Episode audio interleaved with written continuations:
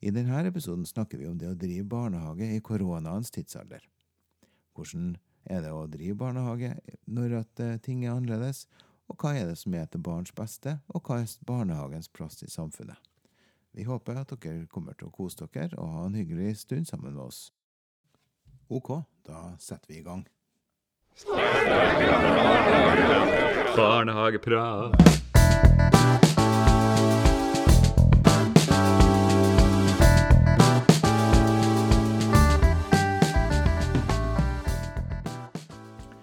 Hei og velkommen til Barnehageprat, en podkast om og med folk fra barnehagen. Vi eh, sitter her og har eh, en samtale om eh, dette med pandemi og barnehagedrift. For, og det gjør jeg som heter Erlend Nilsen, sammen med Lisbeth Aasgaard og Øystein Gjønnes. Ja. For vi skulle jo eh, Og det er jo litt interessant, for det var jo ikke egentlig det som skulle være tema for den første podkasten vår. Eh, Det var det ikke. Men så plutselig så forandra Vi hadde jo planlagt innspilling vi rett før eh, Norge ble stengt. Uh, og jeg husker jeg fikk en sånn uh, ganske lang melding fra deg, Lisbeth, uh, om eh, at eh, Nei, nå hadde du sittet og skrevet jeg vet ikke, ene handlingsplan etter den andre. Og eh, rutiner og begrensninger og sånn. Du så ikke for deg at eh, podkastinnspilling var noe du hadde oversikt til. Uh, Nei, det, det, det, For å si det sånn, uh, på det tidspunktet Jeg husker det veldig, veldig godt. Det føles som om det er to år siden, men samtidig så er det jo ikke det. Men jeg husker jeg satt en hel ettermiddag, kveld, rett etter jobb og skrev altså risikoanalyser og handlingsplaner og gud vet hva. Eh, men på det tidspunktet så hadde jeg overhodet ingen anelse eller formeninger om at alle barnehagene i Norge skulle stenges ned. Det var helt utopisk for meg. Og jeg husker enda veldig veldig godt at jeg sa til mine ansatte eh, Jeg tror det var den torsdagen. Ble forespurt. Ja, tror du, Lisbeth, tror du vi blir stengt? Nei, så sier jeg, vet du hva, det er mye jeg tror her i livet, men det tror jeg faktisk ikke. Og så går det altså ti minutter, og så kommer det inn en, en, en ansatt til meg og sier men vet du, Lisbeth, nå har de stengt de videregående skolene. Og jeg var sånn Tuller du med meg? Fremdeles da trodde jeg ikke at barnehagene skulle stenge. Så, så når jeg sa, sendte en lang melding til deg, Erlend, om at eh, vi måtte utsette, tror jeg ordet var, eller avvente, så, så hadde jeg egentlig sett for meg at vi skulle få dette til eh, innenfor rimelighetens grenser etter noen dager. Men ja, type uke, der liksom. var, ja, ikke sant? Men akkurat der og da så var jeg så oppe i disse handlingsplanene at det var jeg tenkte jeg må ha en dag fri, hvor jeg kan ikke gå rett fra dette til å sitte og prate barnehage med, med folk. Det, det går ikke. Nå må jeg være, nå er jeg der. Så, um, så sånn Ja, nei, det var Hvem skulle trodd? Det er jo hele greia med det her, at det var jo ingen som så det komme i hele tatt. Nei. Eh, ingen som så omfanget av det her. husker husker om den der torsdagen der hvor vi satt og prata han fikk høre litt og litt. Og ble, skjønte litt og litt mer av omfanget. Av i hvert fall av stenging. Men det var jo helt absurd å liksom få den beskjeden at eh, nei, alt skal stenges ned. Liksom, hæ? Går det, går det an? Kan man gjøre det? Går det an? Hva skjer mest? Har vi jobb? Eller det var masse sånne der- masse ting som bare dukka opp som vi ikke hadde hørt om før, gjort før, tenkt før. Veldig pussig situasjon, hele greia. En sånn maktesløs situasjon, egentlig. Du bare sitter Ja. der sånn matt til slutt. kjente jeg. Tenkte du på noe tidspunkt Øystein, at eh, du egentlig var litt glad for at du var ferdig å være styrer? Eh, ja, først så tenkte jeg det. Eller først så tenkte jeg ikke på det i hele tatt.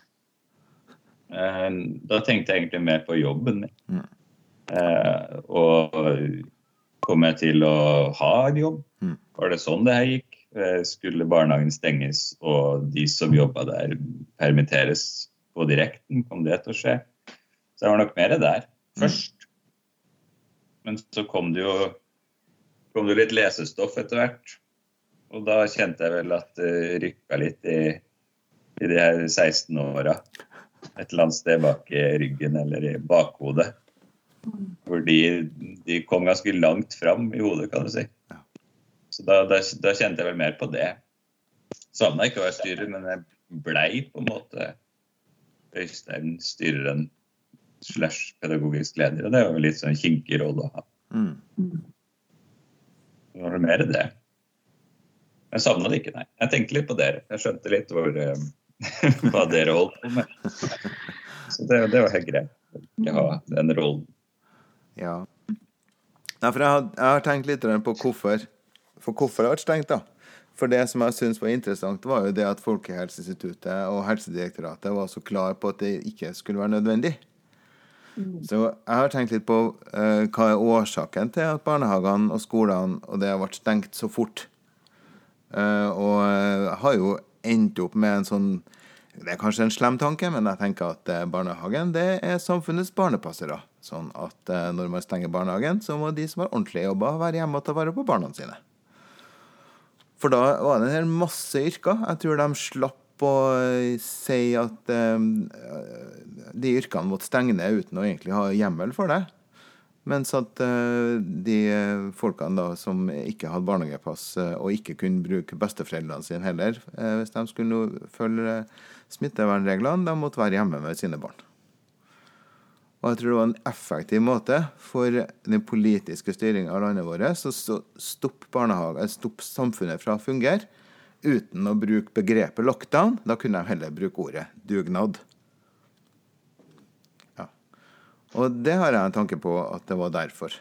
Eh, særlig siden at eh, um, Ja, det vi har vi funnet ut senere, og jeg driver og prøver å lese både på Det er artikler både i Lancet, det her eh, og andre plasser hvor eh, det er eh, leger som skriver, og det er likt over hele verden, at det viruset er lite smittsomt fra barn og mellom barn, og gjør at barn i liten grad er syke. Så på en måte er ikke barnehagene og skolene som er smittevernsenteret her, på en måte, men at vi, vi på en måte ble satt ut for å, eh, ja, for å, for å lamme samfunnet på en mjuk måte, da, for å si det sånn, i stedet for å gjøre sånn som de gjorde i Wuhan i Kina, hvor de sveisa dørene til folk, liksom.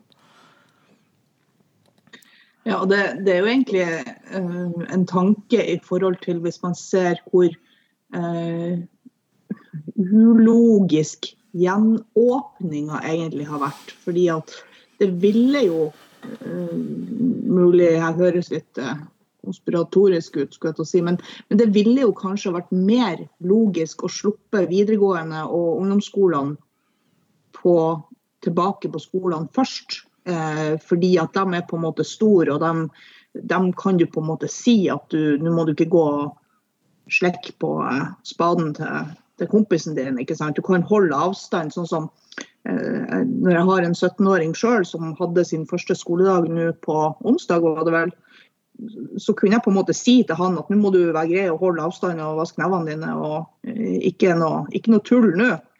Eh, og han sa ja, ja, selvfølgelig, slapp av, liksom. Men, men det kan du på en måte ikke si til, til barnehagebarn som, som kom liksom bare stormende når de fikk lov til å komme tilbake på jobb. Og det er klart at for altså NHO har jo pusha ganske kraftig for å få gjenåpna, og pusha jo ganske kraftig nå òg for at man skal gå tilbake til, til uh, ordinær åpningstid igjen. Så det, det er klart det er litt sånn der han er ja, det hadde kanskje sett litt annerledes altså, Det er nok noe i det du sier, Erlend, med tanke på hvordan de da gjorde det når de gjenåpna. At det var liksom Jeg tror nok det var mer en sånn økonomisk greie om at nå må vi få folk tilbake i arbeid, så da er det viktig at vi åpner barnehagene og, og de minste skolene først. Og så får vi heller ta de andre etter hvert. Ja, Det er mye, mye ringvirkninger i det her. Eh, mange, eh, mange som ser nå eh, hvor viktig barnehage er for at jula skal gå rundt. Så det er jo positivt for oss, da. Mm. Men jeg har jo også diskutert det der. Hvorfor du åpna i den eh, rekkefølgen som du gjorde. Og kommer fram til det samme som dere har sagt, at det er, det er noe økonomien i det. For at det rammer så utrolig mange når barnehagen er stengt over lang tid. Så må folk være hjemme fra jobb. uansett. Og de får kanskje ikke gjort uh, den jobben de er satt til å gjøre heller fra hjemmekontor med sin toåring som kravler over tastaturet. Så det, det, er jo en, Sånn sett er det en logikk i det, men eh, sånn smittevernmessig så er det jo lite logikk i det der. Og der har vi tviholdt på den korte åpningstida. Mm. Fordi at hvis, Det er jo det øyeblikket vi åpner opp for fullt. Eh, da ryker jo alle, alle smittevernhensyn. Da er det andre hensyn som rår, da. Mm. Den har vi diskutert litt på jobb og i, i møter også. Og og vi vil tviholde på det hvis det er det som skal til. Men så har ikke vi vært i denne situasjonen før. Det er jo noe av det vanskelige. At det her er jo helt sånn absurd opplegg. Den måten vi driver på nå, er sånn merkelig. Uh, og det er jo ikke den måten vi er vant til å drive på. Så en, eller annen gang så må det jo komme tilbake til, til en normal her. Mm. Utfordringa er jo at i det øyeblikket eh, det har vi en del om, at i det øyeblikket man går tilbake til ordinær åpningstid, så er det no way back. Altså, da, da, kan du ikke si etter ei uke at nei, forresten, det her var litt dumt. Vi går tilbake til eh, sju, åtte, ni timer, alt etter sånn hva folk har for noe. Altså, har man først gjenåpna, så har man gjenåpna. Da da er liksom døra stengt. Da hjelper det ikke for det smitte eller noen ting som helst lenger. Sånn at Man må på en måte være helt sikker på at når man gjenåpner igjen på, med ordinær åpningstid, så må man være sikker på at man, man har en case som funker. Mm. Fordi jeg tror ikke det går an å gå tilbake og si at nei, du, nå hadde vi ordinær åpningstid ei uke, så nå, det funka litt dårlig, så vi går tilbake til sju timer i neste uke igjen. Det, det går ikke. Mm. Alle vi jobber jo i tre forskjellige barnehager. Vi, eh, I min barnehage så eh, har vi åpent fra halv åtte til fire. Eh, og det har vi klart å funne. Det er ei ramme som vi har klart å lage, som ivaretar eh, mesteparten av foreldrene sine behov eh, inkludert de som har eh, samfunnskritiske funksjoner og behov for nesten hele åpningstida likevel.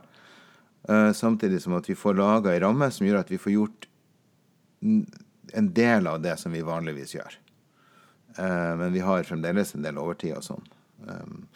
Hvordan åpningstider har dere, Lisbeth? Vi har også halv åtte til fire. Uh, vi har jo normalt sett kvart på sju til kvart på fem, men uh, det har faktisk uh, Vi har fått det til å fungere fra halv åtte til fire. Og så har vi da de som har samfunnskritisk jobb, de kan da selvfølgelig be om å få benytte tilbudet utover det. Og så må vi bare sy det i hop på et eller annet vis. og det har, det har, fungert. Det har det også. Ikke optimalt, fordi at det Ja, men, men det fungerer. Det gjør det også. Det er som du sier, vi har funnet en løsning som tilfredsstiller de fleste. Mm. Mm. Øystein, enn dere? Nei, vi har åtte til fire. Mm. Uh, og ja, det, mm. det, funker jo. Det vi har også hatt litt uh, overtid, fordi vi la opp til åtte til fire fra starten av. Og det var jo for å, for å tilfredsstille behovene til foreldre. Mm. Hadde vi skulle lage vår egen uh, åpningstid, så hadde den jo vært sju og en halv. Mm. Det er jo det man går. Og så har vi strevd da med hvor, eh, hvor mye man skal tviholde på, på det her eh, gruppekohortsystemet. Og smittevernet også, for det, det, sånn som vi tolker, så henger det jo veldig tett sammen. Ja. Og Det er der en av de store utfordringene ligger nå. Når vi ikke vet noe om det. Vi vet ikke noe om omfanget. Vi vet ikke Kan det være smitte der? Det, liksom sånn, det ligger jo der som en sånn uh, joker i det her. Ja. Det vet vi jo ikke om det er. Og gjør vi noe dumt hvis vi eh, blander barn i ulike grupper. Og, sånn, det så ligger jo en sånn uro der også. Den er litt sånn guffen, syns jeg. Mm. Derfor har vi valgt å, å holde hardt mm. på det vi tror er rett. Og vi har jo fått beskjed også fra, fra sånn sykepleierhold at det vi gjør, er Smittevernmessig så burde vi fått et slags pris fordi at vi holder så hardt på det. Men det sliter jo på på andre ting også. Sånn at, eh, og så har vi Vi vi er jo ute mm. utafor barnehagens gjerde, vi, da. Mm. Og det er jo fordi vi ligger der vi ligger, at det er en mulighet i det hele tatt. Mm. Og det har vi jo tjent mye på. Så vi har funnet, funnet veier inn i det, det har vi. men det er, ikke, det er, ikke, noe enkelt. Og det er ikke, særlig ikke når vi ikke veit og ikke har, har peiling. Vi er, jo, vi er jo pedagoger, ikke smittevernleger med munnbind og frakk og sånn ansiktsskydd. Vi skal jo drive barnehage, det her er også en sånn viktig greie. Vi gikk, jo, eh, vi gikk jo skyhøyt ut og hadde egentlig noe som jeg fremdeles tenker var en veldig god plan, hvor vi delte når, når, når vi gjenåpna, så delte vi barnegruppa i to. Og så eh, presenterte vi et opplegg hvor de største skulle hentes og leveres og være ute hele tida. Og så fikk de minste på en måte disponere inne. Um, jeg jobber i en barnehage hvor vi har uh, søskengrupper, altså aldersblanda fra null til seks år. Uh, og det fungerte jo kjempebra de første dagene. Eh, men så det, ble det jo sånn vær som vi kan se ut av vinduet nå. Det var jo plutselig snøstorm og minusgrader og gjørme og unger som, som ble dødsliten. Og Mm. voksne som ble dødsliten. Ikke sant? Det, det, det, personlig, som sagt, fordypning i utefag. Jobber i en naturbarnehage, veldig glad i å være ute og syns at det er veldig positivt for ungene å være mest mulig ute. Men det er klart, er du ute fra klokka halv åtte til klokka fire hver eneste dag, fem dager i uka, da, da røyner det på til slutt. Altså sånn. sånn at eh, vi, vi fikk jo gjort om på det nå, da. Men, men det har vært noen utfordringer der som vi på en måte ikke har helt for Vi tenkte jo at jøss, dette blir jo kjempebra. Vi har jo masse flotte referanseområder. Vi kan være ute hele tida. Dette blir så fint. Og så bare traff det oss med stor ståhei at eh, jaha, OK. det, var ikke, det var ikke like stas over tid. Det fungerte bra. Ungene har hatt et, et bra tilbud og hadde vært altså sånn, men, men vi fikk jo tilbakemeldinger fra foreldrene om at ungene var jo kjørt når de kom hjem.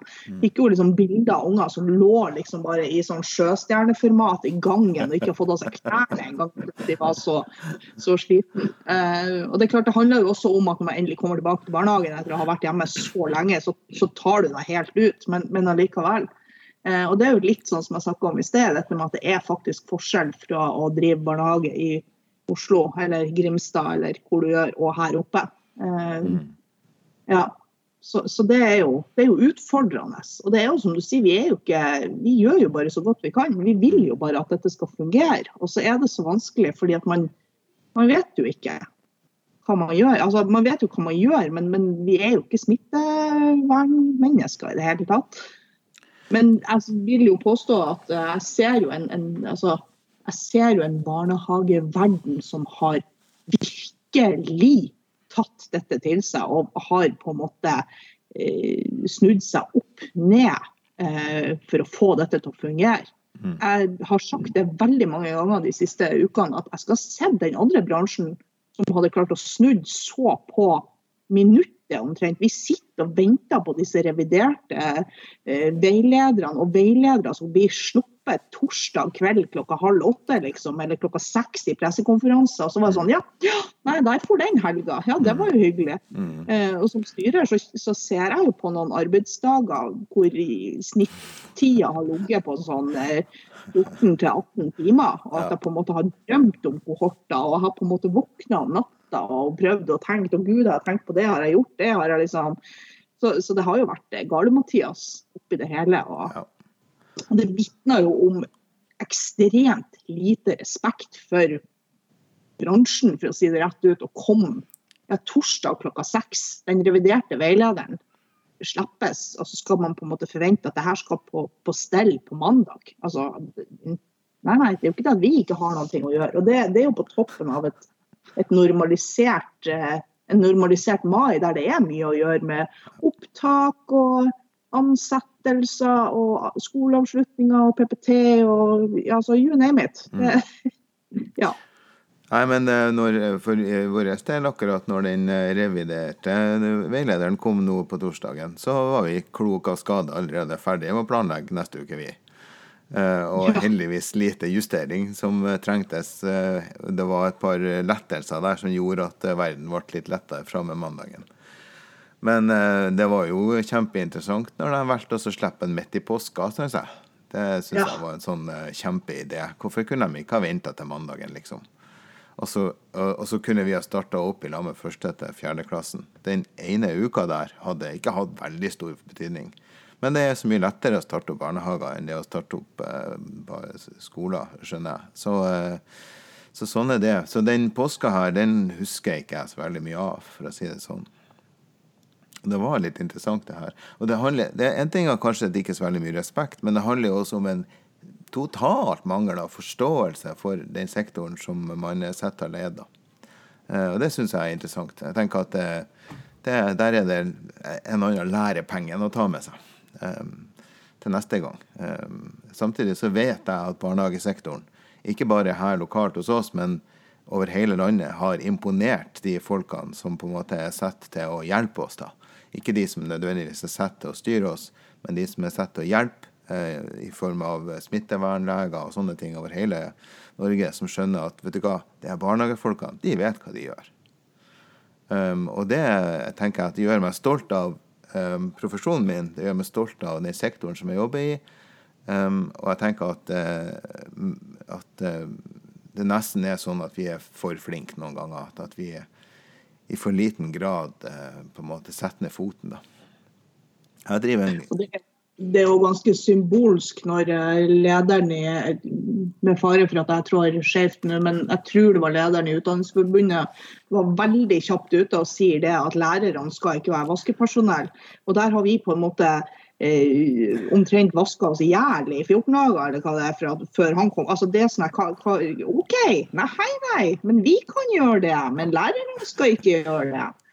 Da kjenner jeg på at eh, det er kanskje et par altså Du kan ikke si at du skal representere også eh, barnehagefolk og så komme med sånne uttalelser. Da kjente jeg at jeg fikk lyst til å rive ørene av noen.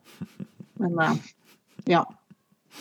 Du, Lisbeth, jeg skal ikke si hva jeg har sagt til andre eh, i andre sammenhenger, hva jeg hadde lyst til å gjøre eh, når den uttalelsen kom. Eh, for da, tenker jeg at vi blir, eh, blir, blir sensurert. Men Ehm, eh, det som var interessant, Jeg regna på det etterpå, fordi at eh, jeg driver en barnehage med åtte avdelinger. og Hver avdeling regner at de bruker ca. 1 12 time om dagen ekstra i, eh, i, rengjøring.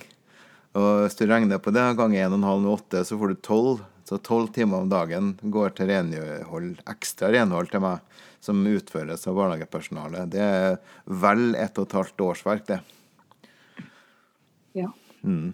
Men vi har ikke fått eh, det, det, det er ikke noen flere renholdere som får sprenger rundt og holde rent i barnehagen min, for å si det sånn. Så det er noe med Nei, den verden vi lever i, da. Ja, det er klart at som, som uten, at, uten at det, på en måte, men, men, som ansatt i privat sektor, så er jo vi inne i våre knabreste år. Fordi at vi har på en måte både en pedagognorm og bemanningsnorm som ikke er subsidiert. Ja, sånn at vi har mm. på en måte, det har vært, det har vært beintøft å ikke ha noe altså fått den her, du, du sitter hele tida med et, et, et venstreøye på regnskap og tenker at i hvordan i all verden skal vi få dette til å gå rundt når vi ikke har altså Nei, vi kan, jeg skulle gjerne henta inn en ekstra vikar nå, eller en ekstra person noen timer, men, men, det går jo ikke. Det er jo ikke sjanse i H. Og så er det jo også noe med at vi, vi, vi er jo klar over at vi etter hvert eh, med Eh, hvis man tenker på hva det er som egentlig ligger i bunnen i hele det her, så er det jo et virus. Og det er jo klart at det viruset jo, vil jo etter hvert sannsynligvis føre til et økt sykefravær. Vi ser jo det nå. Hosta du litt? Normalt sett så hadde, hadde barnehagefolk gått på jobb, ta en Paracet og gå på jobb, liksom. Mens nå er det jo sånn Nei, nei, vik fra meg, gå hjem nå, med en gang. Det var som du sier, du nyser ikke her, altså. For da, da ryker du. Mm. Sånn at man har et økt sykefravær der òg, og et forventa mye større økt sykefravær utover høsten. Mm. Sånn at å drive og skal bruke opp vikarbudsjettet på å, å, å, ha folk som kan vaske dørhåndtak og kontaktpunkter, det er jo helt uholdbart. Så, så, det skulle jeg jo Det er nesten sånn at jeg skulle ønske at det er en og annen person som kanskje kom og tok seg en dag i barnehagen og ser hva dette faktisk er. Jeg skjønner at det er fine ord og at det er, viktig, det er en viktig jobb og det er viktig at man følger opp disse smitte, smitteverntiltakene, men, men, det er noe med den praktiske gjennomfør, gjennomføringa som kanskje ikke helt henger på greip til tider. Ja, så har du den andre jokeren i der, eller en til joker, det er jo mange egentlig. Den her med varigheten på det. Den spiller jo veldig inn eh, på alle fronter, egentlig. Spiller inn praktisk, og så spiller den inn for personalet og for ungene også. Hvor lenge skal det gå på denne måten? Hvor lenge orker man å gå på denne måten, og hvor lenge kan man gå på denne måten før man blir sjuk sjøl? Det er jo en som går på og kjører hardt uh, uteliv uh, åtte timer. Det har vi gjort i noen uker nå, så har vi gått ned til sju og en halv og er ute. Og uh, du blir jo sliten. Det blir mye sofasoving etter jobb. Og det er jo Du vet jo ikke hvor lenge man holder i det der. Men så er jo fordelen nå, det er jo, eller fordel, hvis man kan kalle det en fordel, det her at det har vart nå i en måneds tid. Man har jo blitt vant til den virkeligheten. Mm. Og man har liksom skjønt hvordan eh, vi kan håndtere det. Det tror jeg vi gjør forskjellig i alle barnehager, både i Bodø og i hele, hele Norge. Men at vi, vi, har gjort det på vår måte og fått det til å funke. Og da senker man skuldrene litt. Og når man senker skuldrene og blir litt roligere, så, så, funker det bedre også. Den første uka så hadde jeg ingenting å gi når jeg kom hjem. Da var det, da var det bare å legge seg ned og sove. Uansett hvor. Det var middag, kaffe, og så sofa, doink, og borte. Men nå er det jo, nå er jo, finner man seg jo pauser i løpet av dagen. og Rusler litt rundt og går litt saktere kanskje, og senker skuldrene litt og har litt sånn mer neppehold. Og så er det jo også noe med det her at vi driver jo barnehage. Ja.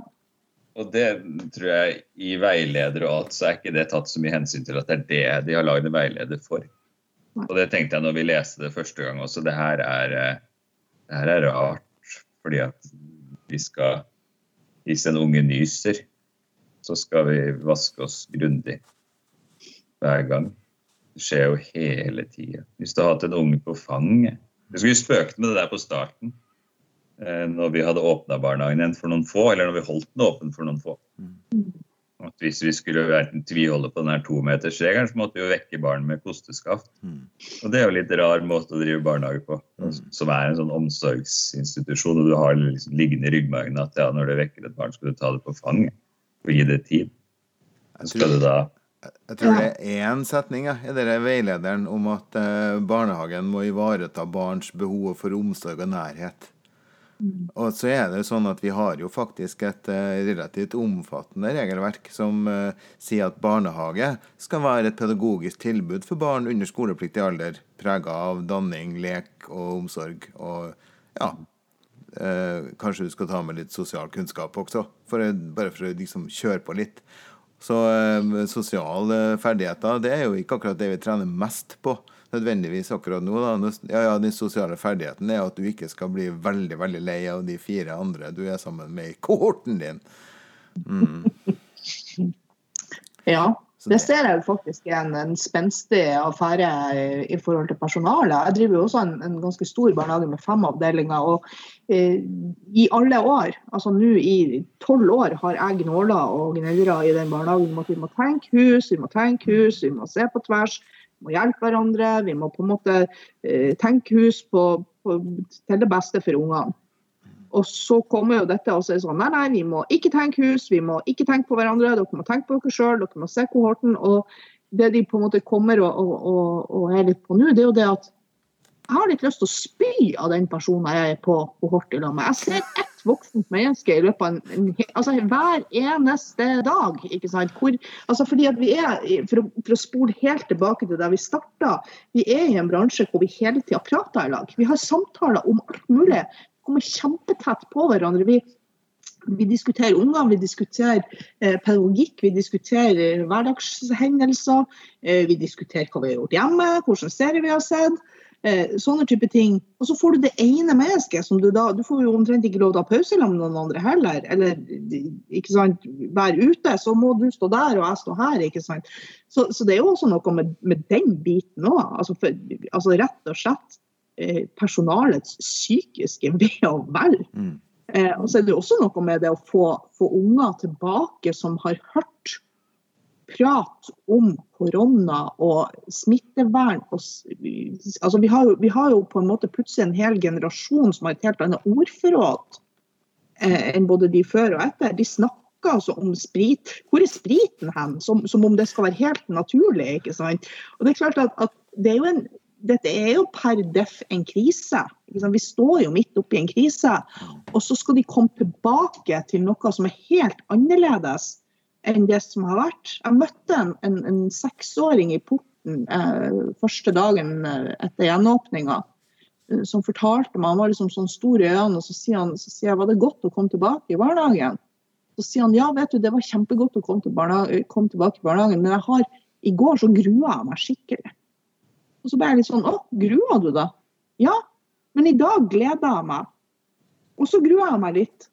Og så måtte jeg si det, men vet du hva, det gjorde faktisk jeg òg. Jeg har også både grua og gleda meg. Fordi at vi vet ikke helt hvordan ting er når vi mm. kommer tilbake. Mm. Og det er noe med det at vi er vant til at når en unge opplever en krise på hjemmebane, så er jo vi der med, med, verdens største fang og armer og sier at skal vi, dette skal vi jobbe oss gjennom, dette skal vi fikse. Vi skal komme hit og sitte sammen med meg, så skal vi lese en bok eller snakke om det eller mm. synge en sang.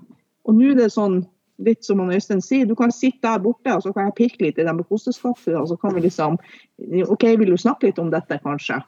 Eh, nå er det ikke sånn det praktiseres. Heldigvis har vi på en måte oppegående, eh, fornuftige mennesker. Men, men, du avviser jo aldri en unge som kommer stormende og vil gi deg en klem, uansett hvordan kohort dette, dette barnet er og hvordan kohort du er. Da får du heller på en måte, mm. som du sier, da får du vaske nevene etterpå uten at ungen ser det. Mm. Ja, sånn at jeg, jeg kjenner at det er en del ting med dette. Det igjen, gjentar, jeg tenker at det er kanskje en og annen person som burde hatt seg en runde innenfor en barnehage. Jeg hadde for noen år siden um, faktisk besøk av han Bent Høie i barnehagen hos meg. Uh, han var vel på et sånn type PR-stunt, valgkamp, og lurte på om han kunne komme i en barnehage. og Jeg var nå på jobb. og kunne ta imot. Og han hadde aldri vært i en barnehage før. Det var veldig åpenbart. Han, eh, han var litt sånn Nei, sier du det?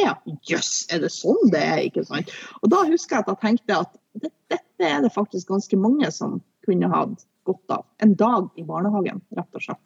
Og se hva er det, hva er det vi gjør.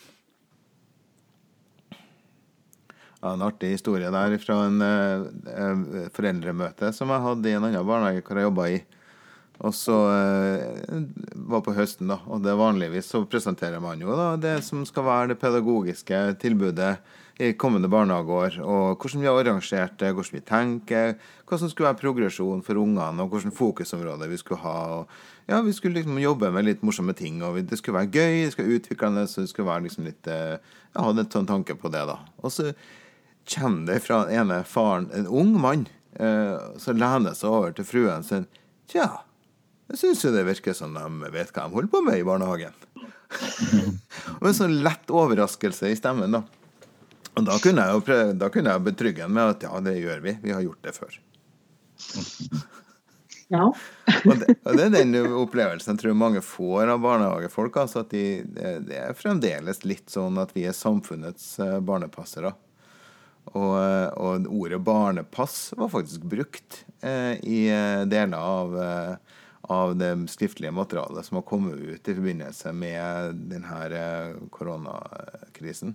Eh, det overrasker meg. Eh, det er jo sånn etter hvert at nesten halvparten av personalet i barnehagen har en bacheloroppgave.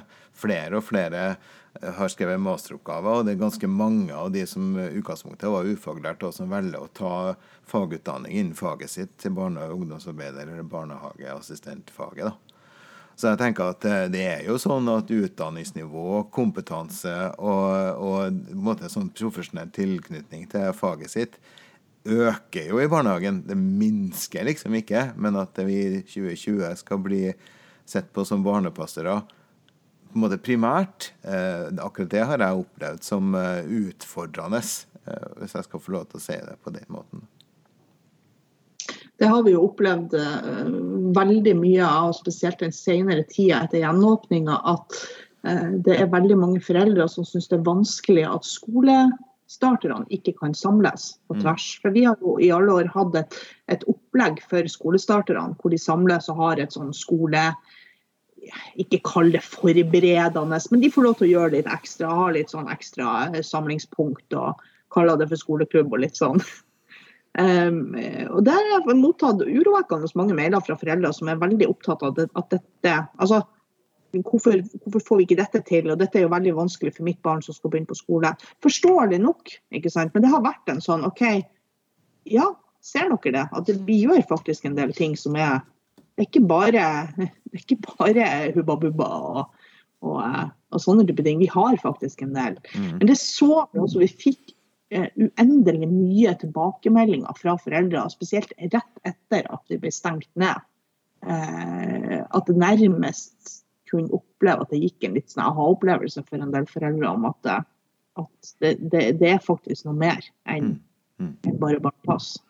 Men han her, han, eh, jeg lurer på om det var han her han Ropstad som refererte til en eller annen pedagog som barnehageonkel på TV. Hvor jeg kjente at nå river jeg ikke av meg ørene. Nå tror jeg faktisk at jeg bare gir opp hele greia. Altså, altså i, i 2020, av en minister på TV. Barnehageonkel, faktisk. Ja, jeg, jeg husker saken, men jeg husker ikke detaljene, så jeg tør ikke å uttale meg. Men eh, sånn rent generelt så er jeg, jeg aldri vært i slekt med noen av de ungene som jeg hadde innafor i barnehagen. Nei. Ja, jeg har vært pappa til barn som jeg har hatt i min barnehage. Så det har vært barnehagepappa. Ja. Men da er det lov å bruke begrepet, tenker jeg. Det er jo faktisk ekte. Mm. Nei, men jeg tenker jo at en av øh, de gode sidene med det her, eller det som kan bli bra ut av det, det er jo at foreldre ser hva vi holder på med. For det har de gjort nå i høy grad. Fordi at de må forholde seg til øh, mye færre folk. Mm. Og ungene deres de, blir, det, det har jeg sagt til flere av de jobber sammen også, at, at øh, både hos uh, ungene og hos personalet så trer sidene våre veldig godt fram i en sånn her uh, situasjon. Og da er det både da er det alle sidene. Det er litt sånn som du sa, Lisbeth, også, at du kan jobbe sammen med én, og så er det egentlig, på spy. Nå gjør ikke jeg det, men, eh, men jeg skjønner hva du tenker, fordi at du, du går liksom oppå hverandre veldig tett med veldig få. Og Sånn som vi har organisert hos oss, hvor vi er to og to kohorter ute i skog og mark, da går det jo i hvert fall veldig tett. Og du må- er avhengig av å stole på de du jobber sammen med. Og Det trer veldig tydelig fram. Så jeg tror foreldra ser, ser det der. Og Derfor tror jeg også at eh, nå har det kommet til denne barnehageopprør-opplegg. Jeg fikk en, fikk en melding tilsendt her en gang midt oppi alt om at nei, mandag skulle jo helst ikke møte opp i barnehagen. Tenkte jeg, det, det går jo ikke an. Det er jo så dårlig timing som det går an å få til. Mm. Fordi at hvis vi skal møte opp noen gang i barnehagen, så er det jo nå. Mm. Men jeg skjønte hva de mente, fordi at det, det gir jo mening. Sånn, saken gir mening, men timing er jo helt katastrofe. For da hadde vi jo skutt oss sjøl i foten og rasert ganske mye i det der. Men det å få fokus på det, sånn som vi nå har fått Hvis det kan kalles et pluss ved denne pandemien, så er det jo det. At vi får fokus på hva vi egentlig holder på med. Hvor viktig jobb vi gjør for, for ungene som går i barnehagene våre. Og det er så mange ting med det. Men det, blant annet så har jo barne... En av de fokuspunktene som har vært eh, i, eh, i media, annet, eh, har jo vært dette med de vanskeligstilte ungene, eller barn vi bekymrer oss for, som vi kaller det i min barnehage. Eh, og det handler jo om ba- barnevernsbarn, det handler om eh, barn som har eh, utviklingsvansker, i det hele tatt eh, barn som trenger litt ekstra, eller mye ekstra, eller som faktisk har det vanskelig hjemme. Og plutselig så var barnevernet bekymra for hvorfor ungene ikke var i barnehagen. Eh, og, og antall tilmeldinger til barnevernet plutselig gikk ned, osv. Og, og så tenker jeg at det en av de tingene som um, jeg har jobba med i min eh, karriere da, som barnehagearbeider. Det er ikke nødvendigvis at jeg har meldt så veldig mange til barnevernet, men jeg har ved flere anledninger fått folk til sjøl å ta kontakt med barnevernet. Fordi at eh, med en gang du tar kontakt med hjelpeapparatet og sier 'jeg trenger hjelp', så får du en helt annen oppfølging enn hvis noen andre sier at 'du trenger hjelp', og du sier 'nei, jeg trenger ikke hjelp'. Da får ikke du hjelp på samme måte som du egentlig trenger. Så det har jeg brukt veldig mye tid på, både som pedagog og styrer. Det er altså på en måte få folk til å skjønne at hør her, hjelpeapparatet i samfunnet er jo her for å hjelpe barnet ditt. Og du er jo interessert i at barnet ditt skal ha det bra. Så går inn i et samarbeid med andre mennesker, så får du hjelp i stedet for at noen bruker tvang. Eh, og det er kanskje at- Og jeg tror ikke at jeg er alene om å tenke sånn, da. Og kanskje barnehagen, barnehagen som sektor kan være flink å tenke sånn. Og det er en av de tingene som gjør at uh, plutselig så får ikke barnevernet noen henvendelser. Det er jo fordi at de kanskje ja, disse menneskene som trenger hjelp, ikke får hjelp til å ta kontakt med dem, på en måte.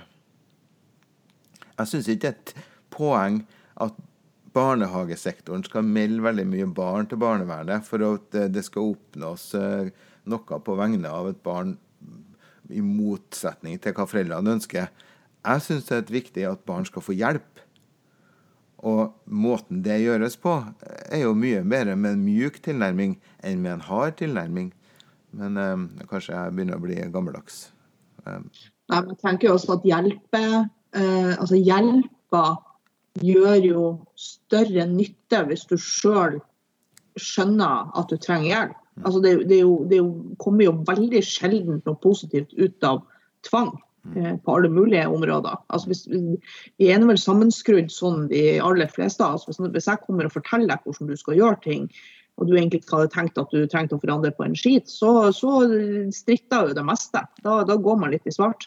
Men det er jo barnehager generelt, tror jeg, eller opplever jeg egentlig veldig god på dette med å snakke med folk. Og tørre å si det. At vet du hva, jeg ser at du strever. Mm kan vi kanskje sette oss ned i lag og finne ut av hvor kan du ta kontakt. Trenger ikke nødvendigvis av barnevernet, det kan være familievernkontor, det kan være helsestasjon, det kan være barnehagen. Kan vi hjelpe til med noe? Er det noe ikke sant? Og det, det tenkte jeg også veldig mye på under, under denne nedstengninga. Mm. At det var en del foreldre og. Barn som, som, ikke er der at jeg har noensinne kanskje tenkt at, at det er barnevern. Men det er litt sånn, jeg vil gjerne vite hvor det går med dere. Mm. Hvordan har dere det? Mm. Eh, og det tenker jeg, jeg tror det er kjempeviktig det du sier. at, at eh, for nå er barnehage jo ofte en sånn eh, Nå har jeg vært på et utall av kurs, og vi får alltid kjeft for at barnehagene melder altfor lite. Mm. Uh, så blir jeg sittende og tenke gud bedre, hva liksom har vi nå gjort, og hva mm. tenk om man har mista den ene, osv. osv. Uh, men så glemmer man litt, som du sier, alle disse som man har gjort, altså vært med på opp gjennom årene og faktisk snakka med, mm. ikke til, men med, og sagt at kanskje vi kan se på det her i lag. Mm. Eh, jeg tror det er kjempeviktig det du sier der. Det er virkelig.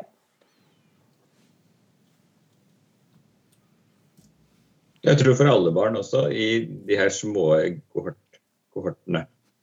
Uh, uansett om det er store saker eller små saker. Jeg har aldri opplevd å være så nært så få barn over så lang tid. I, i, og foreldre også. Mm. Eh, I min barnehagekarriere. Og det, det, har jeg hørt med alle de som jobber rundt, rundt meg også, at nå ser vi de på en annen måte. Eh, vi ser det, det er det samme som med personalet. Vi, og det er, jo, det er jo et poeng også at de er jo mennesker, de her barna vi har med å gjøre. Og de er ganske lik oss voksne, sånn når vi bare ser litt etter. Det har jeg lært. Eh, så det å, det å liksom se de ordentlig, mm. det gjør jo at vi kan hjelpe dem på en helt annen måte mm. Eh, der de er òg. Mm. Og det har jo vært nødt til nå i denne perioden å, å gi dem det de trenger i de små gruppene hvor de er. Så det har vært veldig spennende. Jeg har jo noen barn eh, som jeg har jobba nært med nå over tid, som, som jeg aldri har vært så godt kjent med. Mm. Sjøl om jeg har jobba i denne barnehagen her nå i tre år Og hatt de barna der i tre år. Så jo, det er nå først jeg har skjønt litt mer av dem. Blitt litt mer kjent med dem og funnet ut hva de egentlig trenger i hverdagen. Og det tror jeg drar med meg til, eh, til seinere også. Det er ikke noe som vi glemmer det der vi har lært om de nå. Men tror dere at det er fordi at eh, tull og tøys og lek og moro er viktige verktøy i barnehagepedagogikken? At det er derfor at vi ja, at det, kanskje samfunnet muligens har en tendens til å undervurdere eh, den jobben vi gjør? Ja, absolutt. Det tror jeg virkelig. Altså det, det er noe med det at man, man eh, det er som Øystein sier, Du kommer så nært inn på hver enkelt unge. og Det er noe med å vite hvordan du tilnærmer deg hver unge. Hvordan du på en måte eh, det kan godt være at det er akkurat som du sier, dette med, med, med tull og tøys. Det kan være den bamsen ikke sant, som kan hjelpe til med å få en, en unge til å åpne seg om ting som, som er vanskelig. Eller det kan være Ja, nei, jeg, jeg tror det. Også, også, det har bekymra meg mye faktisk i den perioden her med, med unger som skal gå hjemme og, eh, og høre Altså det, det, det, nyheter 24 timer i døgnet. Det er dødstall som ruller over skjermen. Det er, det er liksom ord som pandemi og nedstengning og Wuhan. Hvem pokker som hadde hørt om Wuhan før det her, liksom? Og flaggermus og you name it. Altså det, man, man kan skjerme unger så mye man bare orker å prøve, men jeg vet at unger får med seg mye mer enn det man tror de får med seg. Og så skal man på en måte få altså, Som regel når, når, når voldsomme ting skjer, så har man på en måte en skole eller en barnehage som, som kan ta litt edgen av det. og faktisk, ok, Nå, snakker vi om dette. Nå skal vi faktisk uh, altså vi har, vi har jo opplevd kriser i det landet her før. Eh, jeg hadde jo helt erfaringsmessig sett under 22.07, så lå jeg på en campingplass i Sverige med, mm. med mann og barn. Eh, sønnen min var ganske liten da, men vi var veldig opptatt av det å på en måte skulle skjerme han for dette. Og synes at til vi nå vet hva dette er snakk om, så må vi liksom prøve å skjerme. Hvorpå barnet mitt da har løpt, eh, vært litt rundt på campingplassen og har da funnet seg til rette med det i servicebygget hvor det står en TV og ruller og mm. går, ikke sant. Og får med seg alt. Og kommer mm. hjem og kan fortelle meg egentlig, eller kommer hjem, kommer opp i, i, i leira på en måte og kan fortelle meg mye mer enn det jeg visste. Så det er noe med det å skal på en måte Vi skjermer det så godt vi kan, men så får vi det ikke med oss i forhold til eh, altså, Barnehagen har alltid vært der for å kan på en måte eh, ta tak i disse tingene. Det er for, for vanskelig og skumle og voldsomme ting skjer hele tida. Eh, og enkeltbarn opplever dramatiske ting, både som dødsfall og skilsmisser og, og mist søsken. Altså det, det, er så mye dramatikk i et barns liv. Mm. Mm. Da er barnehagen noe av det viktigste. Vi, vi, vi, terper og terper på foreldrene. Dere må fortelle oss hvis det skjer eh, endringer i, i familiesituasjonen. Hvis det, hvis det, er noen som blir syk, eller bestemor er syk. Altså, vet du at eh, det vil være veldig gjenkjennelig hvor mange ganger man har sittet med en unge på fanget som har på en måte fortalt om hvor mye de savner oldemor som er død plutselig, eller eh, hund som, som, er borte, eller ikke sant, sånne type ting. Og så fikk vi ikke være med å fange opp dette. fordi vi, vi, vet ikke de måte, hvordan de opplevde dette hjemme. Mm. Hva, hva vi snakka om, hva får de med seg, hva har de hørt? Og Det er jo som du sier, det er jo enkeltunger. Noen, for noen unger vil jo dette oppleves som, som, som helt katastrofalt, fordi at man, man, får ikke skjermer. Man får ikke det filteret inn på hva er på en måte eh, Hva skjedde her? Hva, altså, vi kan jo Altså, jeg har jo sjøl opplevd at folk har TV-en stående på 24 mm. timer i døgnet. på liksom, det er sånn, Hvor mange ganger har vi hørt dette? Nå mm. kan vi, Oi, nå er det en til som er død, ja. Mm. ja. Har du sett? For en time siden så var det liksom bare sånn. Eh, og Det er noe med det å klare å skjerme ungene opp i det. Og der tror jeg, når du snakker om tull og tøys og, og lek, så tenker jeg at, at unger er jo kjempegode på dette med å gå ut og inn av sorg, av traumer, mm. av redsel, og trenger akkurat den tull og tøys-biten. Eh, vi har vel alle hatt erfaring med, med i forhold til dette med at når barn opplever dødsfall, mm. og man skal, eller man skal informere barn om en krise, så blir man litt sånn Å ja, skulle du liksom ikke Kan jeg gå og leke nå? Mm. Ja, bestemor er veldig syk. Ja, OK, ja, det var, var vi veldig imot. Kanskje det er derfor han pappa er litt trist og sånn. Og så bare sånn Ja, OK, kan jeg gå og leke nå? Så blir man litt sånn Ja OK, var det sånn du skulle reagere? Men ungene trenger jo akkurat det. Ut og inn av sorg, ut og inn av hvordan i all verden skal de ellers klare å håndtere disse type tingene? Mm. Og så får de ikke det, for man har liksom stengt ned hele, hele barnehageverdenen omtrent. Mm. Ja, og vi har jo fått masse tilbakemeldinger fra, for vi har jo hatt åpent underveis eh, i, eh, for disse barna av samfunnskritiske jobber. Ikke samfunnsnyttige jobber, som jeg presenterte det som i en mail da, til dere som har samfunnsnyttige jobber. Um, samfunnskritiske jobber. Ja. Uh, men i alle fall, vi har fått masse tilbakemelding fra de foreldrene hvor utrolig viktig barnehagen har vært for deres unger. fordi at disse foreldrene som har jobba i type helsevesen, uh, har holdt på å jobbe seg skakk i hjel. Og har kunnet gjort det under, med, altså med en, en en erkjennelse av at mitt barn har det bra i barnehagen. Mm. Mitt barn har lekt, mitt barn har tulla, mitt barn har eh, herja rundt og spist is og frukt og kost seg ute. Mm. Og så kan jeg fokus på det som faktisk jeg skal ha fokus på, uten å bekymre meg for det. Vi har altså fått det. Folk, altså de foreldrene har vært så takknemlige og så positive på akkurat den der at jeg, jeg, blir, helt, jeg blir, nesten helt rørt hvor, hvor bra det er. Så ja, det var et langt resonnement, men ja, jeg tror akkurat dette med tull og tøys i barnehagen og på barnsnivå er noe av det aller aller viktigste vi driver med. fordi at det er det som leder inn til det som faktisk er alvoret. Mm. Ja. yeah, det er bra, Liksom. Jeg lever jo for tull og tøys, jeg. Ja.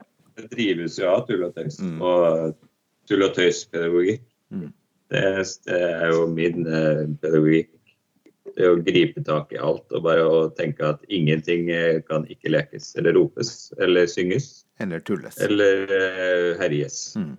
Sånn at eh, det støtter veldig det der. Og det der er jo også noe med kjennskapen til ungene. Eller unger generelt. De går inn og ut av sorg og alt. Og de, at det at vi kan være lekne og hive oss med på det, Mm. det ser jeg på som en, eh, det er en av mine sterkeste egenskaper i barnehageverden. Det at jeg tør det. Mm. Jeg gir blaff til de rundt meg. Det betyr ingenting om de syns jeg er idiot. Det gjør ingenting. For jeg vet at ungene syns at det her, det er han der. Han, han, han, er med, han. Han lar oss sage av foten med lekesag. Mm. Ja, det er fint, for den vokser ut igjen. Det er ingen problem. Mm. Sånn at det, og det, det, det der tror jeg på veldig. Mm. Da når det. Og så handler det jo om å, øh, å bygge relasjoner med de her ungene også, Mm. gjennom lek. Mm. Det tror jeg vi kan snakke om en hel episode for min del. fordi det, det er så vesentlig. det. Og nå har det liksom blitt tatt på spissen i denne situasjonen også. Ja. Det at relasjonene du ikke hadde med dine kohortmedlemmer, den eh, måtte du bygge. Mm. Det var det helt pukka nødt til å bygge, for hvis du ikke gjorde det, så funka ikke det her eh, opplegget her i det hele tatt. Mm. Du måtte legge inn ganske mye av det. Jeg måtte, det. Jeg måtte legge inn ganske mye tid og, og krefter på det. Og det var kanskje en del av grunnen til at den første uka med full fart blei så heftig også, fordi at vi visste jo ikke hva vi gikk til. Nei. Og vi var kjemperolig denne helga òg, sjøl som jeg var bare pedagog og ikke styrer. Så gikk jo helga og natt til mandag og var jo helt elendig. Kom på jobb på mandag og var helt ødelagt Mm. Mm. og visste ikke helt hvordan det her skulle gå. Og hvordan i all verden skulle vi eh, gjøre det her i praksis, for det hadde vi jo aldri gjort før. Og da var det jo bare å sette seg ned. Gi et fang og bruke tid på å bygge opp tillit. Sånn at de her eh, barna som var mitt ansvar, da var det jo faktisk bare seks en periode. Mm. De barna fikk en hverdag som var eh, best mulig. Mm. Det er klart, jeg tror også at den, den, mye. Mye. jo, men det er klart også den, den som, som du snakker om, den slitenheten. For dette handler jo også mye om at vi plutselig hadde ansvar for eh, ganske mange foreldre som man skulle roe ned og si at dette, det, we got you. Dette Mm. kommer til å gå bra. Vi Mm. har kontroll på smittevern. Mm. Når man kanskje ikke helt hadde kon- Altså, vi hadde kontroll, men vi var jo allikevel usikre. For som du sier, dette har vi aldri gjort før. Sånn at vi skulle ta imot en haug med barn som refererte til min pode i barnehagen, eller han, han i min barnehage, som sier at jeg gruer meg skikkelig til å komme i barnehagen. Mm. Eh, vi skulle ta vare på hverandre, og vi skulle ta vare på foreldre. Mm. Og så skulle vi på en måte si at vi har kontroll. Mm. Når vi egentlig sto litt på surfbrett midt ute på fjorden og tenkte at dette må vi faktisk bare fikse. Og det er klart det er krevende. Det det det er jo helt sinnssykt sett i, i, eh, si, i retroperspektiv at det faktisk at, at folk har Igjen, jeg gjentar meg, jeg skal se hvilken bransje, annen bransje at folk har klart å heve seg rundt og snudd opp ned på driften så til de grader og med en så avsindig positivitet Mm. som barnehagefolk har faktisk klart å gjøre. Det, det, det er så beundringsverdig at jeg finner ikke ord. Jeg er så, jeg er så stolt over, over folk som jobber i barnehagen, at jeg blir helt, eh, jeg blir helt matt. Mm. Og nå ønsker jeg på en måte at det, det på en måte snart må At man kan si at nå kan vi på en måte puste litt. Dette, Mm. dette kommer til å gå bra. Men det gjør det. At vi har på en måte gått litt inn i en fase hvor, hvor man man sier man senker skuldrene litt, man slapper litt av fordi at man finner roen. Mm. Jeg skulle ønske vi kunne på en måte flate enda litt, at man kunne si at det er helt i orden å, å, å puste og slappe av. Dette kommer til helt fint. Det er veldig viktig da, tenker jeg, at man har en kunnskapsminister som ikke går ut i media og presser. Men eh, det la jeg merke til at hun, eh, Guri Melby gjorde nå, at hun ønska at flere og flere barnehager hadde det hun kaller ordinær åpningstid, uten at jeg nødvendigvis vet om hun har definert hva ordinær åpningstid er. da. Er det den åpningstida som står i vedtektene til hver enkelt barnehage, eller er det når hun syns at vi skal være til stede for å være barnepassere i samfunnet? Det syns jeg er en utfordring. Eh, så jeg tenker at det opplegget som vi har i vår barnehage nå, det kan vi ha så lenge vi må ivareta smittevernet på det nivået som er per i dag. Hvis vi skal ha åpent lenger, så må vi ha lettelser i smitteverntiltakene. For nå er vi akkurat på grensa. Og så har vi laga oss et lite korthus, egentlig, hvis, at, hvis at jeg får noe særlig fravær nå. Hvis noen som f.eks. Eh, sykler seg av på sykkelen og brekker lårhalsen, eller eh, eller ja, får en annen sykdom uh, som kanskje ikke engang er koronarelatert, så må jeg sette opp et nytt korthus igjen. Mm. Ja. Det er en utfordring, ja, syns jeg. Nei, den er, ikke, ikke, den er ikke bra. Det var noen som spurte meg i dag så, så liksom, hva, er, hva, er, neste trekk? Hva skjer nå, Lisbeth? Hva, hva, hva, er neste trekk nå? Eh, hvor på en måte jeg, jeg, kjente på det at jeg måtte svare at jeg vet ikke. Jeg, tror ikke det, jeg er litt usikker på om det kommer noen flere trekk siden. For jeg tror de har gitt oss en revidert veileder, og så har virker det litt som om de tenker at ja, men nå har vi gjort det vi kan gjøre, nå er det opp til dere. Mm. Fordi at den veilederen er altså så tjåk full av bør og kan og ikke sant? Og det, mm. det gir jo på en måte Du gir på en måte kortstokken over til styrere og barnehageeiere rundt omkring til å si at nå er, er, det opp til dere hvordan dere løser dette videre. Mm. Og Det syns jeg faktisk er ganske skummelt. Jeg hadde håpa på at det skulle komme en, en, en, revidering som skulle være tydeligere på hva man forventer, og at det skal være et tidsperspektiv. Altså, Tenk å kunne fått et tidsperspektiv som kunne sagt at det kommer en ny veileder om Altså det kommer en ny eh, revidering om tre uker, f.eks. Så kunne man ha sagt at OK, nå kjører vi denne åpningstida i tre uker til. Vi kjører dette regimet i tre uker til, og så ser vi hva som skjer. Mm. Men nå er det jo ingen som vet. Nå er det jo ingen som aner om det kommer noe mer revideringer, eller om det kommer noen flere føringer, eller skal vi holde på snart til juni, juli, august, desember? Mm.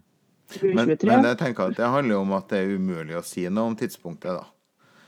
Ikke sant? Og når vi vet at det tar et år fra nå til vi har en uh, vaksine som uh, fungerer, og det er i beste fall, så, så, er det jo sånn at det her er jo en utfordring, dette med smittevern og denne uh, nye sykdommen som sprer seg i verden, er noe som vi må forholde oss til, i hvert fall til, til neste sommer. Ja, og det, det tror jeg òg absolutt. Mm. Men det er klart at, at, det som kommer til å skje nå, er jo at presset for å gå tilbake til såkalt ordinær åpningstid vil jo bare øke og øke for hver dag som kommer. fordi at i det øyeblikket folk slutter å ha hjemmekontor, mm. altså, så, og det har de jo vært ganske tydelige på nå, at nå må folk kutte ut med hjemmekontorgreia, for det er egentlig bare tull. Eh, og ikke det de sa, men det var vel egentlig det de uttalte. Det var, det var litt sånn der, OK, og det er klart at I det øyeblikket man, man, man slutter med hjemmekontor, så blir fleksibiliteten mindre for foreldrene i forhold til dette med åpningstid. Mm. Eh, og det er jo klart at sånn For oss som har, som har, eh, som har åpent fra halv åtte til fire, så, så, er det greit. Altså, der tenker jeg at vi skal få det til. Men det er klart vi har jo barnehager som har åpent fra åtte til halv fire. Mm. Åtte til tre, ikke sant. Mm. Eh, måte, og når de da går ut og sier at nå må dere gå tilbake til ordinær åpningstid, så er jeg jo helt enig med deg. Hva er ordinær åpningstid? Mm. Eh, I min barnehage har vi ti timers åpningstid. Mm. Eh, vet, det, er jo ikke helt, det er jo ikke, det er jo ikke nødvendigvis sånn det er hos alle. Og jeg føler jo at vi har kommet ganske vi er ganske greit der vi er, men, men samtidig så er jeg jo usikker på hvor lenge man kan holde den. Mm. Hvor lenge får vi aksept fra foreldre og fra samfunnet til å faktisk til å ha et redusert altså vi har, for å si det sånn, vi har jo veldig vi har jo barn som har søkt eller foreldre som har søkt plass hos oss nettopp pga. at vi har så lang åpningstid. Ja. Fordi at det harmonerer med deres jobb i forhold til at de starter. For det er jo det som er meninga med lange åpningstider i barnehagen. Det er jo for å ivareta samfunnets og foreldrenes sine interesser. Det er jo ikke til barns beste at barn skal være i barnehagen fra sju til fem. Det tenker jeg at vi, det, det er å sparke inn en åpen dør og si at uh, det er sånn det er. Så uh, for vår del, så hvis vi hadde kunnet fått en åpningstid på en sånn åtte og en halv time til å fungere med kanskje et og annet unntaket som må ha uh, som må ha ekstra tid, fordi at det er et eller annet som skjærer seg rent praktisk, så er det at vi kommer stille med ett menneske i en halvtime. Det hadde vært en helt annen pedagogisk hverdag. For pedagogikk i barnehage tar tid. Sant, det ville jo også vært eh, gull for type bemannings... altså Vi har aldri vært så godt bemanna som vi er nå eh, over store deler av dagen. Så det er jo klart at det skal man jo heller ikke kimse av. Eh, men at man går over at vi skal på en måte se for oss en barnehagehverdag hvor 8,5 timer skal være normaliteten, det tror jeg nok dessverre ikke kommer til å skje.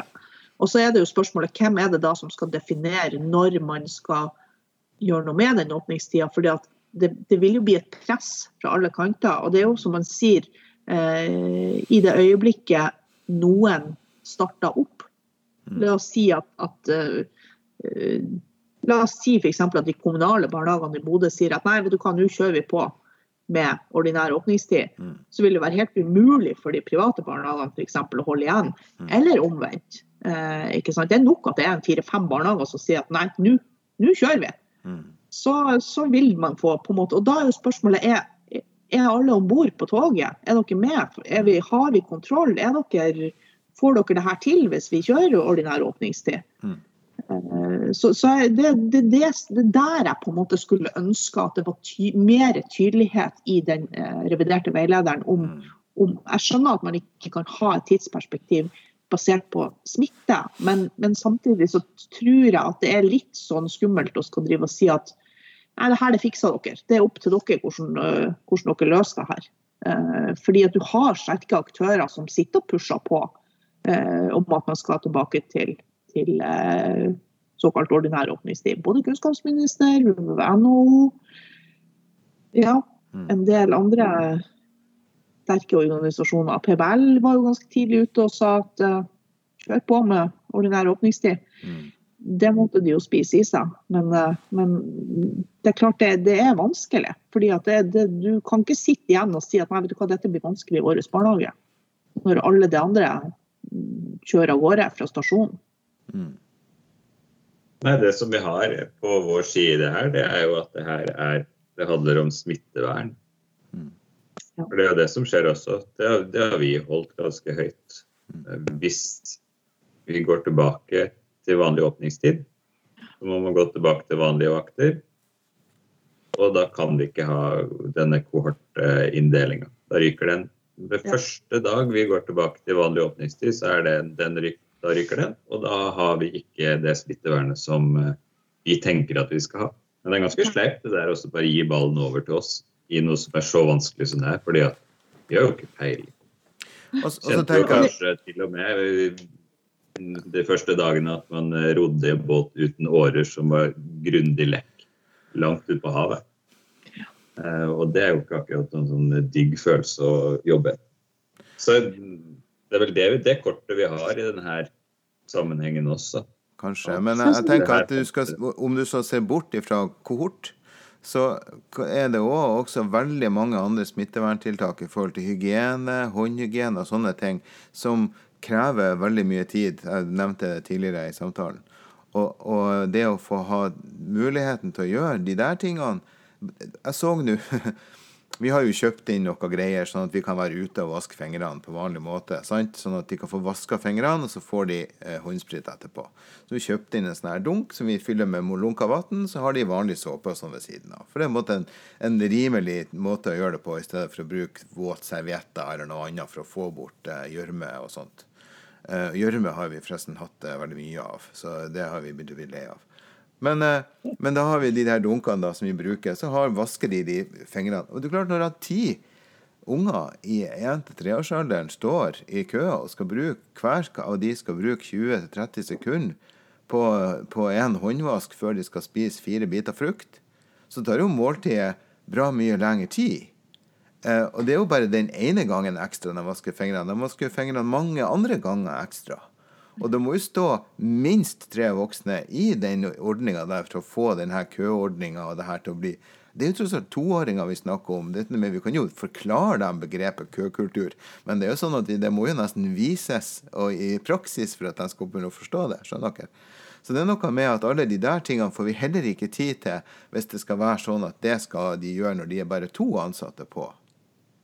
Så det må jo være Ja. vi hadde jo en veldig spenstig utfordring da. Vi hadde, vel, vi hadde vel to dager da det var sol, sånn type vårsol. Hvorpå jeg, jeg ble oppringt og, og med spørsmål om hvordan skal vi gjøre det i forhold til solkrem. Fordi at det er jo faktisk en greie med at du kan ikke ta sånn som man gjør normalt sett. Så sier man kom igjen unger, still dere opp, så, så tar vi en sånn type samlebåndspedagogikk. At nå smører jeg. Nå sitter jeg her med solkremen, og så kommer dere og så smører jeg. At det, det vil ikke være smittevernmessig. Så, så prøvde jo jeg meg da liksom i sånn Nei, nei, men dere må jo smøre deres unger i deres kohort, og så må dere vaske fingrene mellom hver smøring.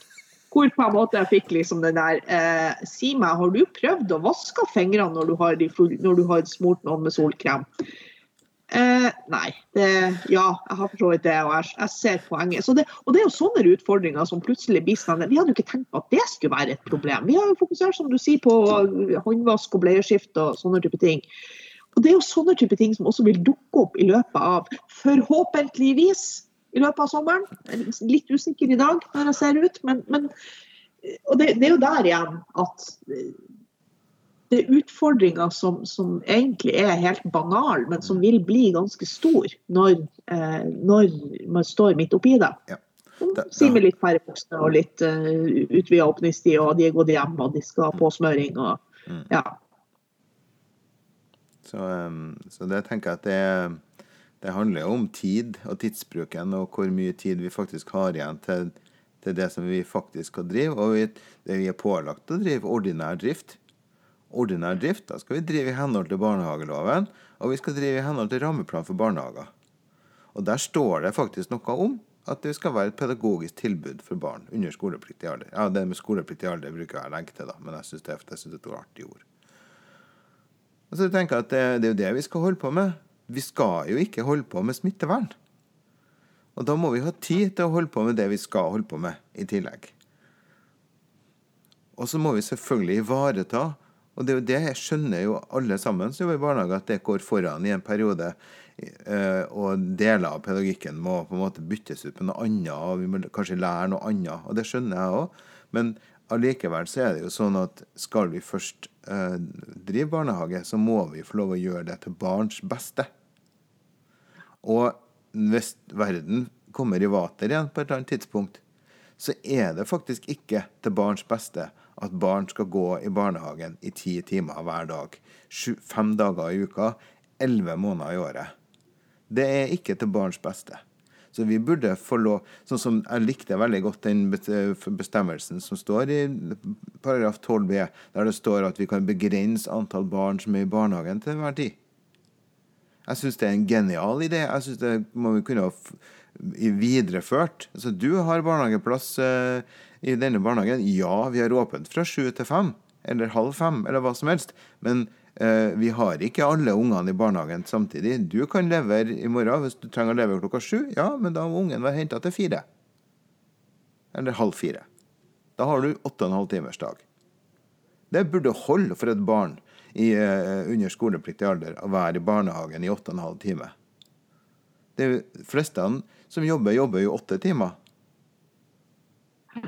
Og det, det der er jo også en utfordrende, for jeg har jo jobba i barnehage i Oslo Mhm. eh, og i Bærum. Mm Eh, eh, og der er det jo et, et altså Der erfarte jeg Nå er det mulig at det var litt sammenheng med, med hvor de lå an i barnehagen jeg jobba i, men der var det mye mer vanlig å faktisk være i barnehagen. Altså De står og klorer på døra klokka ti på sju. Mm. Åpner sju og kommer sprengende fem over fem for å hente. Fordi at du har en form for, for eh, altså Jeg hadde flere barn i, i barnehage i Bærum hvor eh, foreldrene jobba inne i Oslo sentrum Mm. og helt avhengig av et kollektivtilbud som, som funka, og det var veldig sånn lagt opp i forhold til tog og, og sånne type ting. Så, og og det, var, det, var, det var en kjempesjokkerende erfaring for meg at, at det var helt normalt. Men det, det er klart det, det blir jo sånn, fordi at samfunnet er lagt opp til at du skal på en måte, begge foreldrene skal være i jobb. Du skal jobbe eh, kanskje åtte timer, og så skal du ha transport til og fra. Og så er spørsmålet har du da barnet ditt i nærheten av jobben, sånn at du kan på en måte ta altså Noen velger jo å ha barnet sitt i barnehage i nærheten av jobb, sånn at man kan på en måte bruke den tida til og fra med å faktisk ha barnet med seg. Eh, men de aller, aller, aller fleste ønsker jo å ha barne, barnet i barnehagen i nærmiljøet med tanke på skolestart og sånne type ting. Og da, da sitter man igjen med sånne situasjoner hvor unger faktisk har eh, så lang eh, Altså benytta barnehagen så lenge. Jeg brenner jo veldig for det at når det blir sånn for enkelte barn Dette er jo ikke normalt, det er jo ikke sånn at alle barn gjør det, men det er ganske mange som har veldig lange eh, dager i barnehagen. Så vil jeg spole tilbake til det du sa tidlig, Erlend, at det er så utrolig viktig med god kvalitet i barnehagen og gode eh, mennesker som jobber i barnehagen, som faktisk kan eh, gjøre dette til gode dager for disse barna. Og kan gi dem de pausene de trenger, og kan se disse barna sine behov og eh, altså, på en måte ta vare på dem. For at jeg tror ikke at det er så veldig mange foreldre som ønsker at ungen skal gå i barnehagen i ti timer. Det, det, det er det faktisk ikke. Nei, det tror jeg Men, det. Verdensbildet og arbeidssituasjonen, eh, spesielt i Norge i dag, er sånn at det, det Om vi man enn skulle ønske det, så, så er det lagt opp til, til to mennesker som jobber 100% og så er det ikke alle som klarer Det er ikke, det er ikke sånn at alle har en, en, en, en person som begynner på jobb klokka sju, og den andre begynner klokka ni. og så jobber man. Veldig mange jobber jo de samme turnusordningene, så gjør at det blir veldig vanskelig. Men det var jo en helt Nei, da, vi, da det vi, vi, var inne på en helt egen episode, nesten der, eh, tenker jeg. Men, Ja. eh, men eh, til, for å avrunde det så det er veldig mange variabler som avgjør hva som er barns beste. Det er veldig mange variabler som avgjør hva som er familiens beste. Og ofte så er det det som er familiens beste, også barns beste, selv om det noen ganger Sånn at jeg skjønner jo det at det er situasjoner som gjør at det er, at det er vanskelig. Um, så er så Og så tror jeg at vi skal begynne å se på om vi skal runde av snart, eh, det vi har gjort i dag, da. Eh, Det vi har snakka litt om, har jo vært eh, pandemidrift og drift etter pandemien. Vi har snakka veldig lite om hvordan det var under stenginga, så det tenker jeg vi får bare ligge til en annen runde. Men eh, vi har snakka om at det er, det er krevende. Det har vært krevende å drive barnehage nå, og vi har jobba mer enn hva vi i hvert fall for min del har jobba mer eh, de her to månedene enn hva jeg har gjort noen andre sammenhengende to måneder eh, helt siden stenginga. Fordi at eh, eh, For ikke å gå inn på det, så er det, det overraskende utfordrende å drive en barnehage som hjemmekontorløsning. Men det er en annen sak. Hva eh, tenker du, Øystein? Eh, Hvordan, eh, har du noen forslag til vi, Du som er sånn jazzmusiker, hvordan runder vi av en sånn lett springende samtale, så vi kan oppsummere litt? Du bare fader den ut. Ja. Sånn at den går ned null. Du bare, bare liksom prater lavere og lavere. Og til slutt så blir det helt stille. Det. Faen, det var jo feil må mann. du rope. Du må rope så høyt og stygt at alle skrur av. Ja, ikke sant. Det var det jeg skulle nei, ha spurt noen andre enn jazzmusikeren selvfølgelig om det. Han blir jo aldri ferdig. Nei, da, nei det, vi, det, det har påvirka hverdagen eh, på litt sånn underlig vis, det her. Mm. For, for meg også. Jeg har kanskje jobba mindre enn eh, dere, tror jeg. Fra mitt hjemmekontor. fordi at det, det er jo blitt vant til å jobbe direkte med barn. nå. Mm. Da blir jo det noe helt annet igjen. Du skal sitte hjemme på hjemmekontor i kjelleren og jobbe direkte med barn. Det var litt rart. Så ja. Så det er mange, mange hensyn å ta. Jeg syns at eh, vi må ta med oss det vi har lært av det her. Mm. Det tror jeg vi kan Det kommer nok et opprør sånn etter hvert. Fordi at eh, vi har sett noe greier nå som vi kanskje ikke så så tydelig før. Mm. Eh, Men jeg er ikke helt sikker på når det er lurt å time det. Eh, Og det her, jeg holder på det her, men at vi har sett, sett personalet, vi har sett hverandre på en annen måte i en liksom pressa situasjon. Mm. Kan dra med oss det. Vi har sett og lært mye om eh, de ungene. For min del av de ungene som jeg har hatt i min kohort, Mm. har jeg sett og lært veldig godt å kjenne. Sånn at det, det er jo et pluss som man kan dra med seg selv. Så Mm. det kommer jo noe godt ut av alt, og så går det over. Hva syns vi om kohortordet?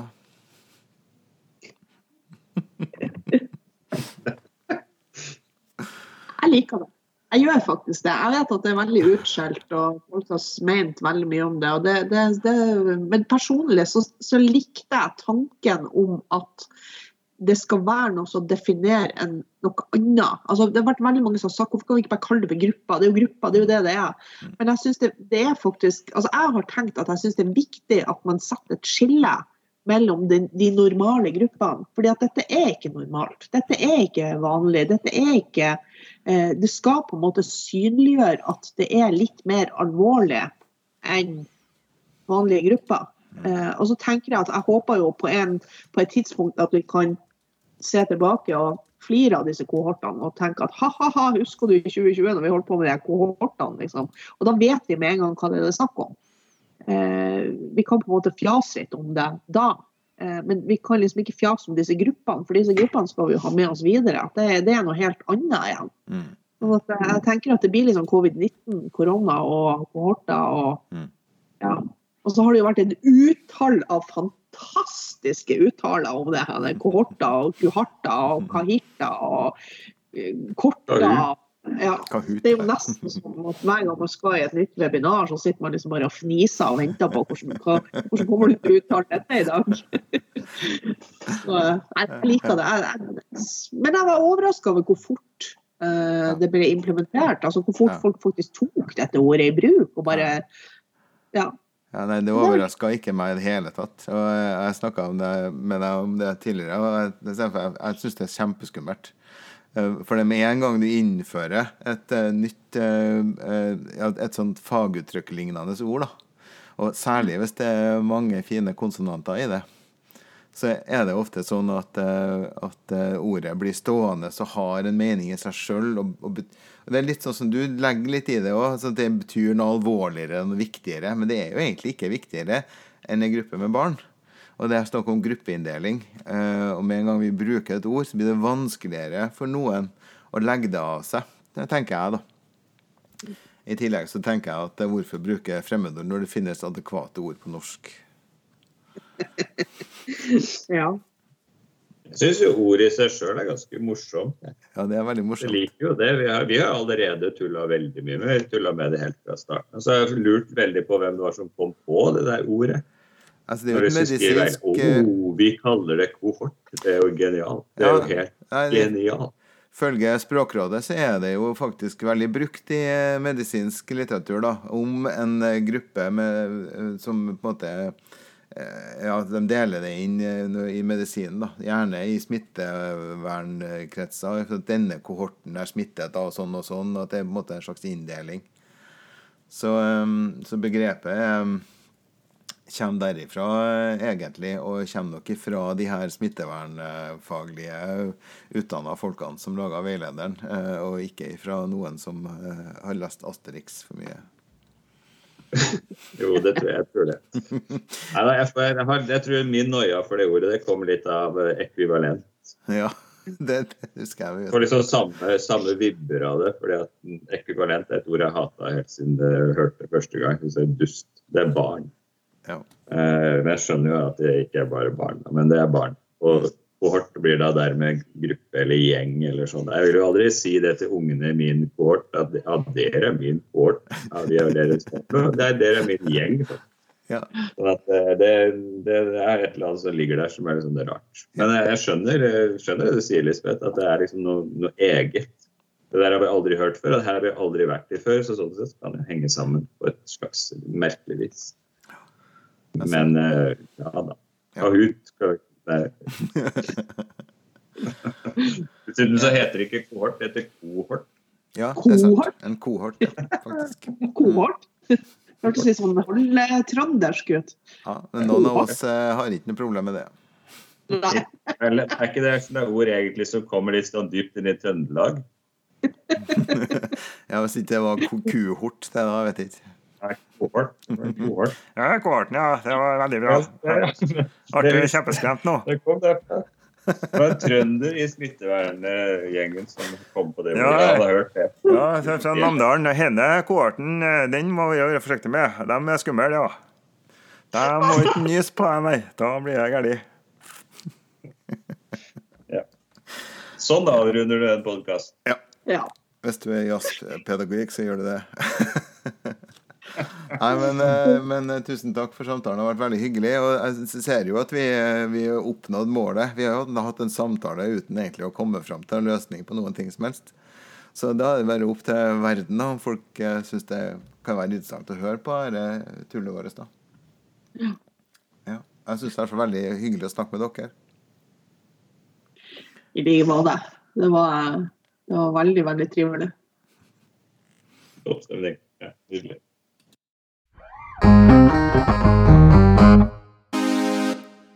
Barnehageprat kan kontaktes på barnehagepodcast med C, barnehagepodcast at gmail.com. Hvis du har spørsmål, kommentarer, forslag til tema eller forslag til gjester, så send oss gjerne en e-post, så skal vi prøve å se hva vi får til. Um, det har blitt en eh, litt ganske lang episode, og mye lenger enn hva vi egentlig har tenkt at de skal være. Men eh, vi hadde mye på hjertet i dag, og det er kanskje ikke så rart. Så um, vi håper at du har uh, klart å holde ut helt til nå, og at du er interessert i å høre mer fra oss. Takk for praten.